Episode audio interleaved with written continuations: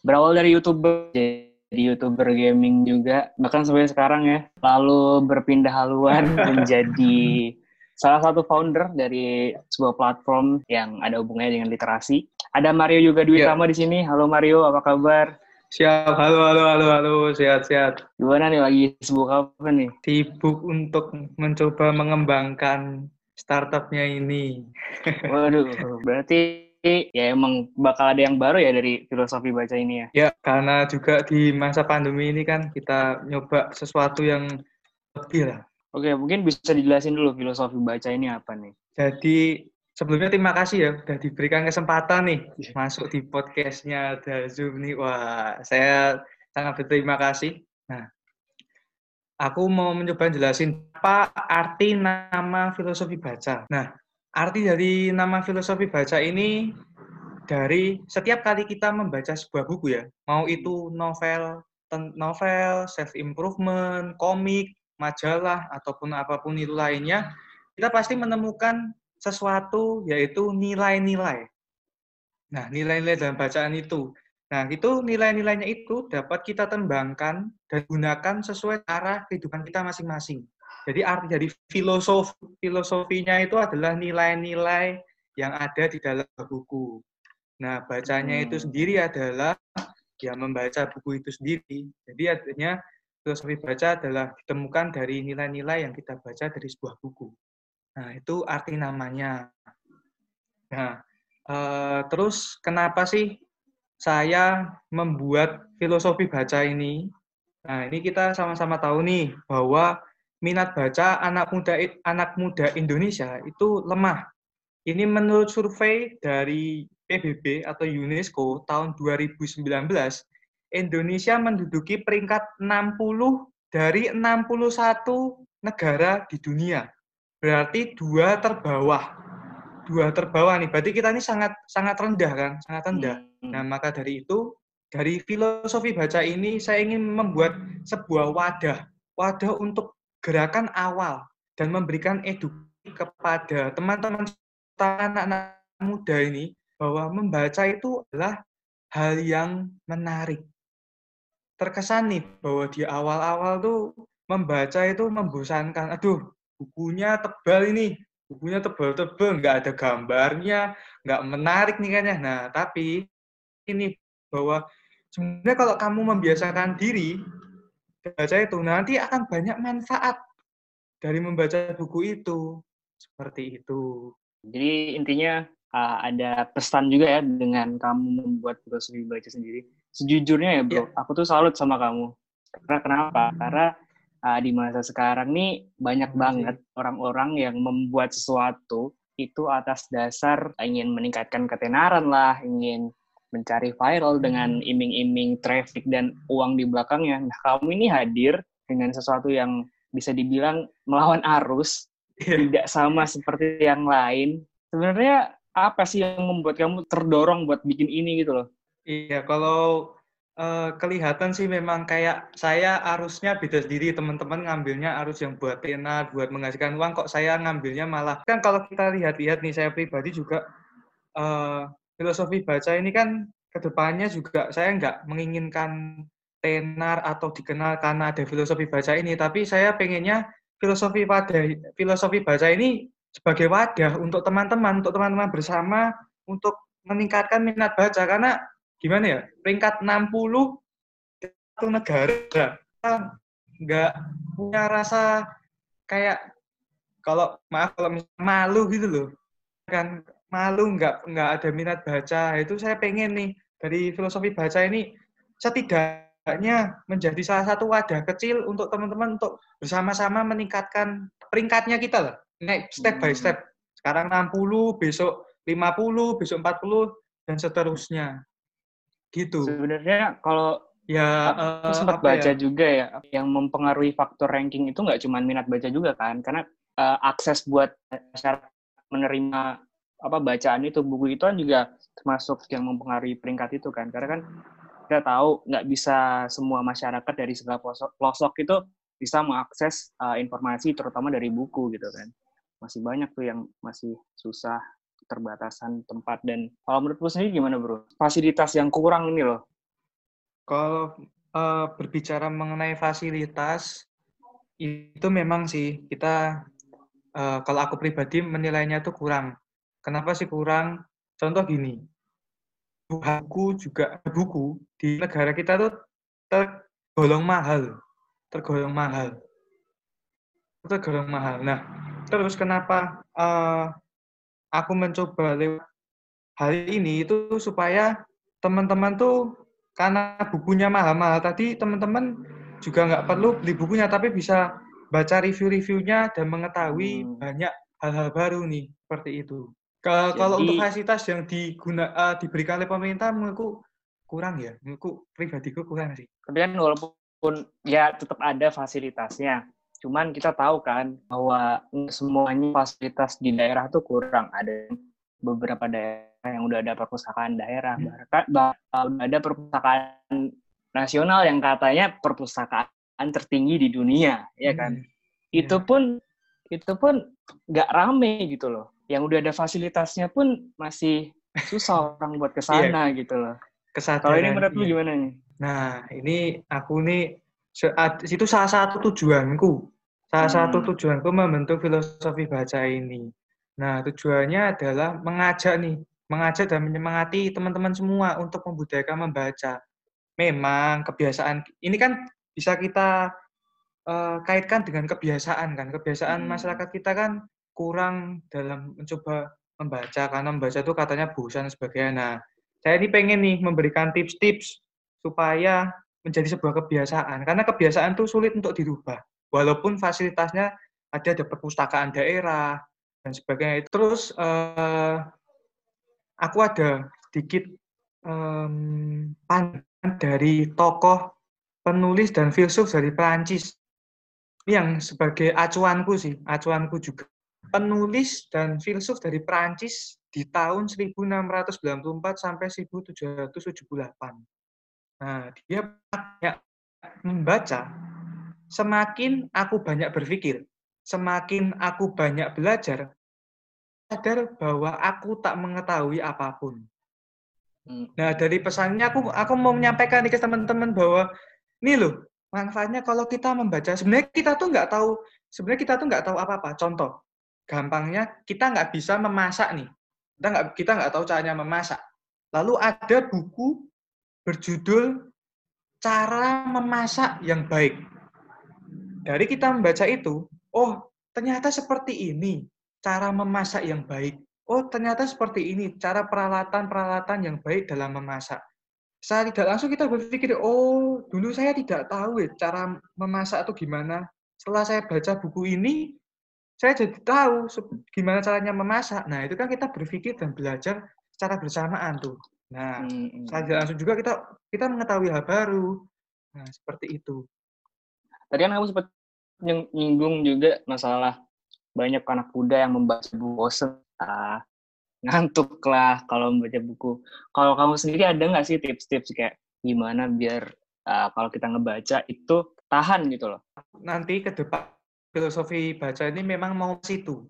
Mengarah mem, uh, filosofi baca akan memberikan tips mem, membaca buku. Hmm. karena kita eh, sama-sama tahu bahwa setiap pembaca itu mempunyai caranya sendiri-sendiri untuk membaca. Ada anak-anak yang membaca dengan cara mendengarkan musik. Ada orang juga yang membaca kalau harus sendiri nggak boleh ada gangguan. Nah itu nanti kita akan memberikan tips-tips Nah, tips-tips ini juga akan mengarah ke anak-anak yang uh, kita sama-sama tahu lah, um, anak-anak yang mau kuliah kan biasanya ini ujian nih, banyak ujian kan, wow buku-bukunya tebel-tebel tuh. Nah, nanti kita, filosofi baru juga akan memberikan tips tuh supaya nanti membaca gampang bosen. Nah, nanti kita akan menyasar juga ke hal itu. Juga kita nanti akan memberikan tips juga untuk memilih buku yang sesuai dengan pembacanya. Contoh, suka buku tentang um, komik uh, tentang kartun kartun. Nah, nanti kita memberikan rekomendasi buku-buku kartun yang bagus tuh yang apa supaya kamu sukanya ini bukunya juga tepat. Contoh, misalkan kalau saya saya nggak suka tentang tentang cerita-cerita fiksi, terus saya dikasih buku fiksi, ya saya nggak suka. Saya sukanya buku self improvement, ya berarti saya bukunya self improvement sesuai dengan minatnya saya supaya hmm. minat bacanya. Jadi intinya sebelum kita ke minat membaca lebih ke kita cari tahu dulu ya minat kita tuh apa, iya kan? Jadi kan dengan kita tahu minat kita apa, muncul tuh rasa curiosity-nya, muncul rasa penasaran. Dengan itu uh, kalian jadi lebih bisa menggali informasi-informasi baik itu dari film mungkin, video-video di YouTube mungkin dan akhirnya tetap yeah. kalau curiosity-nya itu semakin tinggi kalian buku pun kamu bisa baca gitu kan. Berarti intinya kamu ini ingin banget yang namanya menumbuhkan minat baca dari anak-anak muda ya? Karena target targetmu kebetulan ya. anak-anak ya. muda semua ya? Targetku anak-anak muda, anak-anak muda. Kalau kita iya. Lihat-lihat kan juga sekarang anak muda itu kan nggak bisa lepas dari gadget ya. Hmm. Nah itu juga jadi masalah karena aku pengennya tuh uh, ada yang lebih menarik dari sebuah gadget, terutama smartphone. Ada yang lebih menarik, ada yang lebih luas, ada yang sesuatu yang sebenarnya sangat luas dampaknya, manfaatnya. Cuman karena belum terbiasa, pemikirannya hanya, aduh, bosan banget membaca buku. Saya pengennya ini loh, memperlihatkan bahwa buku itu jauh lebih menarik dan buku matinya. Sampai kapan pun kita akan tetap selalu membaca buku untuk menambah wawasan kita. Hmm, hmm. Tapi kita juga bisa memanfaatkan teknologi yang ada kayak gadget segala macam untuk ya. mencari informasi kayak misalkan kita sekarang bisa kan uh, ada banyak elektronik book, e-book, e-book. Sekarang kan uh, ya dengan zaman yang semakin maju ini banyak orang yang beralih dari buku yang fisik menjadi buku yang elektronik kan. Ya. Itu bisa dimaksimalkan. Cuman kan, hmm. kan uh, kalau menurut pandangan pribadiku anak-anak zaman sekarang kan kalau main gadget bukan untuk membaca buku, iya sih, tapi untuk sosmed, untuk bermain game, nah, seperti itu. Kalau untuk membaca buku lewat inter, lewat gadget masalah. Kalau kamu sendiri dari dulu emang suka ngebaca atau baru belakang sih? Kalau aku jujur dari kecil. Kenapa? Itu hmm. karena dari orang tua aku sendiri. Orang tua aku dari dulu sudah mulai memperkenalkan bacaan. Karena itu berpengaruh besar bagi kita di masa yang akan datang. Ya dari komik-komik dulu, dari komik-komik kan juga ada pesan-pesannya. Nah, itu okay. dari situ mulai diperkenalkan. Sampai saat ini sih. Nah, kamu kan berarti dari dulu suka membaca nih. Ada nggak sih buku-buku yang menurut kamu uh, sangat mengubah dengan kehidupan ini? Kayak mengubah uh, diri kamu menjadi yang lebih baik. Ada nggak sih buku-buku yang mungkin bisa menjadi rekomendasi buat yang dengerin ini juga ya? Hmm. Kalau untuk aku mungkin memberikan rekomendasi buku-buku zaman sekarang ya. Hmm. Karena kan hmm. sekarang ini bukunya lebih. Yang pertama itu aku mau merekomendasikan Atomic Habits. Hmm. Ini cara mudah dan terbukti untuk membentuk kebiasaan baik dan menggilakan kebiasaan buruk. Kenapa aku menyarankan salah satu buku ini? Ini kita diajarkan uh, bagaimana pentingnya hal kecil dalam kehidupan kita kebiasaan kecil dalam kehidupan kita.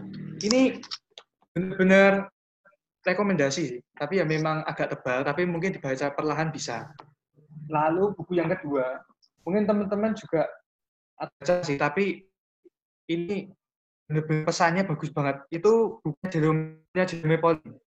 Kenapa aku bisa bilang dia ada pesan uh, pesan di mana ada jalan menuju Roma kalau nggak ya kalau nggak salah ada jalan menuju Roma. Nah, jalan menuju Roma tiap orang itu berbeda-beda. Jadi jangan samakan jalanmu dengan jalan hmm. jalanku karena kita pasti punya jalan sendiri tapi tujuan kita sama Roma.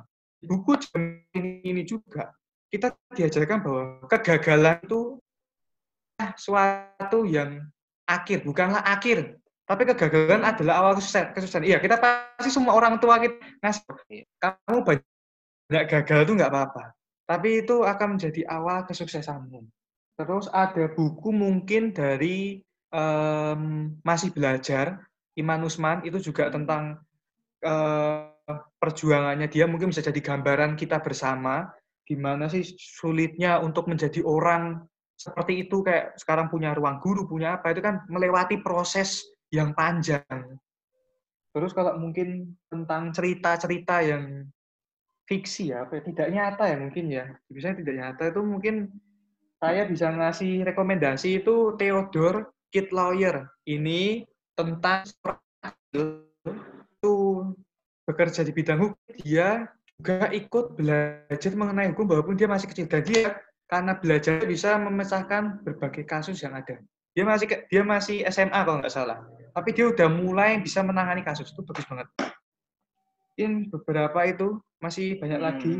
Tapi jujur ya, bro sebenarnya uh, aku sendiri ya, aku pribadi tuh suka ngebaca. Buku-buku juga lumayan banyak. Cuman banyak juga yang belum kebaca. Aku sempat baca yeah. filosofi teras walaupun belum selesai dan kalau aku ya, sendiri itu istilahnya kayak ngebaca ngebaca uh, sebagian di awal, terus istilahnya gampang banget bosen tuh kayak oh ada buku baru beli lagi. Jadi kayak satu ini belum hmm. kelar. Satu Cuman, belum kelar, satu, baru. Iya yang ya. udah beli yang lain gitu loh. Kamu sendiri ada ada cara ngatasinnya nggak biar? Jujur aku juga aku pernah aku pernah merasakan itu juga. Hmm. Jadi misalkan satu buku belum selesai, kita ke toko buku, wah ini ada buku menarik nih, nah, ganti aja. Aku juga pernah mengalami itu. Kalau aku pribadi, gimana sih caranya supaya kita nggak gonta-ganti buku? Hmm. Itu adalah kita bacanya memahami dengan betul. Hmm. Memahami dengan betul. Mem perlu cepat-cepat kok. Membaca itu pelan-pelan, dipahami dulu, diikuti. Gampangnya tuh kayak seakan-akan kita di dalam cerita aku juga pernah mengalami itu di mana buku belum selesai dibaca udah mau ganti buku yang lain. Nah, itu salah satunya aku pas membaca berani tidak disukai karena itu aku merasa bahwa kita kalau beli buku harus sesuai dengan kapasitasnya diri kita sendiri juga. Nah, di berani tidak disukai itu buku orang Jepang itu aku merasa di, di titik situ aku sadar bahwa oh ternyata kalau memilih buku itu juga harus sesuai dengan kapasitasnya sendiri sendiri. Kalau kamu berminat nih, berminat boleh dicoba, berani tidak disukai. Boleh, Aduh. Saya cari. Jadi judulnya aja, gratisan kali nanti. Wah, jangan, jangan. Saya gimana ya, dari judulnya aja berani tidak disukai. Otomatis hmm. rasanya kayak kok jadi orang milih untuk tidak disukai. Nah itu wah nanti bisa coba kamu baca. Kalau kamu sendiri ke depannya bakal mencoba buat menulis buku atau ada rencana nggak? Wah. Kalau itu mungkin mungkin belum. Kenapa? Karena aku harus ke memberikan wadah dulu di filosofi baca ini. Aku pengen memberikan wadah ke teman-teman dulu. Fokusku itu dulu, satu-satu dulu. Satu-satu hmm. dulu dijalankan dengan baik. Ke depannya belum tahu sih. Tapi memang kalau sedikit-sedikit itu memang ada panggilan pengen nulis, pengen nulis, tapi juga masih kurang-kurang ya. Belajar-belajar dulu dikit-dikit. Terakhir nih, pendapatmu mengenai kemarin kan sempat ramai banyak orang yang mengakses buku-buku online yang ilegal. Gratis. Dan nge-share PDF PDF tadi. Ada yang share di WhatsApp lah segala macam ya. menurut lu gimana? Menurutku kalau itu nggak nggak baik sih. Nggak baik. Karena hmm. kalau kita beli buku kita mesti kita coba deh buka halaman terdepan. Pasti ada namanya Undang-Undang Nomor 28 Tahun 2014 tentang hak cipta. Hmm. Nah itu dijelaskan tuh. Kalau kita menyebarkan file-file e-book gratis itu, nah itu kita bisa kena sanksi pelanggaran yang lumayan berat. Itu satu tahun penjara dan denda paling banyak 100 juta rupiah.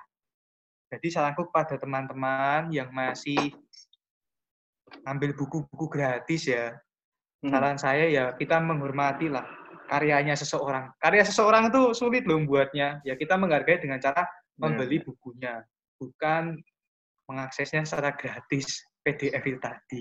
Soalnya saya juga dapat sih beberapa dikirimi. ya gimana lagi? Iya, soalnya ya memang masyarakat kita kan minta gratisan. Nah, mungkin untuk ada closing statement gak nih dari Mario? Closing statementku mungkin teman-teman bisa nih mengunjungi filosofi baca, mulai dikit-dikit lah, lihat-lihat, baca-baca dikit. Mungkin filosofi baca ini bisa membantu teman mulai minat bacanya. Dan ini tujuan dari filosofi baca ini. Nantinya kan sekali lagi ini kan wadah, wadah untuk teman-teman semua memulai minat bacanya. Jangan takut-takut deh, jangan takut, jangan jangan punya pandangan bahwa membaca buku itu membosankan. Nanti kalau teman-teman sudah terbiasa, sudah terbiasa nanti pasti malah nggak bisa berhenti. Aku yakin deh, membaca buku itu banyak manfaatnya. Terus, penting semangat terus. Mari kita buat anak-anak muda Indonesia semakin tinggi minat bacanya dan menduduki peringkat ya setidaknya lebih baik lah, jangan dua terbawah. Sebenarnya tujuan dari Mario membuat filosofi baca sama aku bikin podcastnya hampir sama sih. Beda kalau aku ini mewadahi orang-orang, terutama teman-temanku untuk menyuarakan apa yang hmm. mungkin ingin mereka sampaikan. Jadi aku juga membuat wadah untuk berbicara gitu. Dalam hmm. konteks hmm. di sini kita sama-sama belajar. Sukses buat filosofi baca.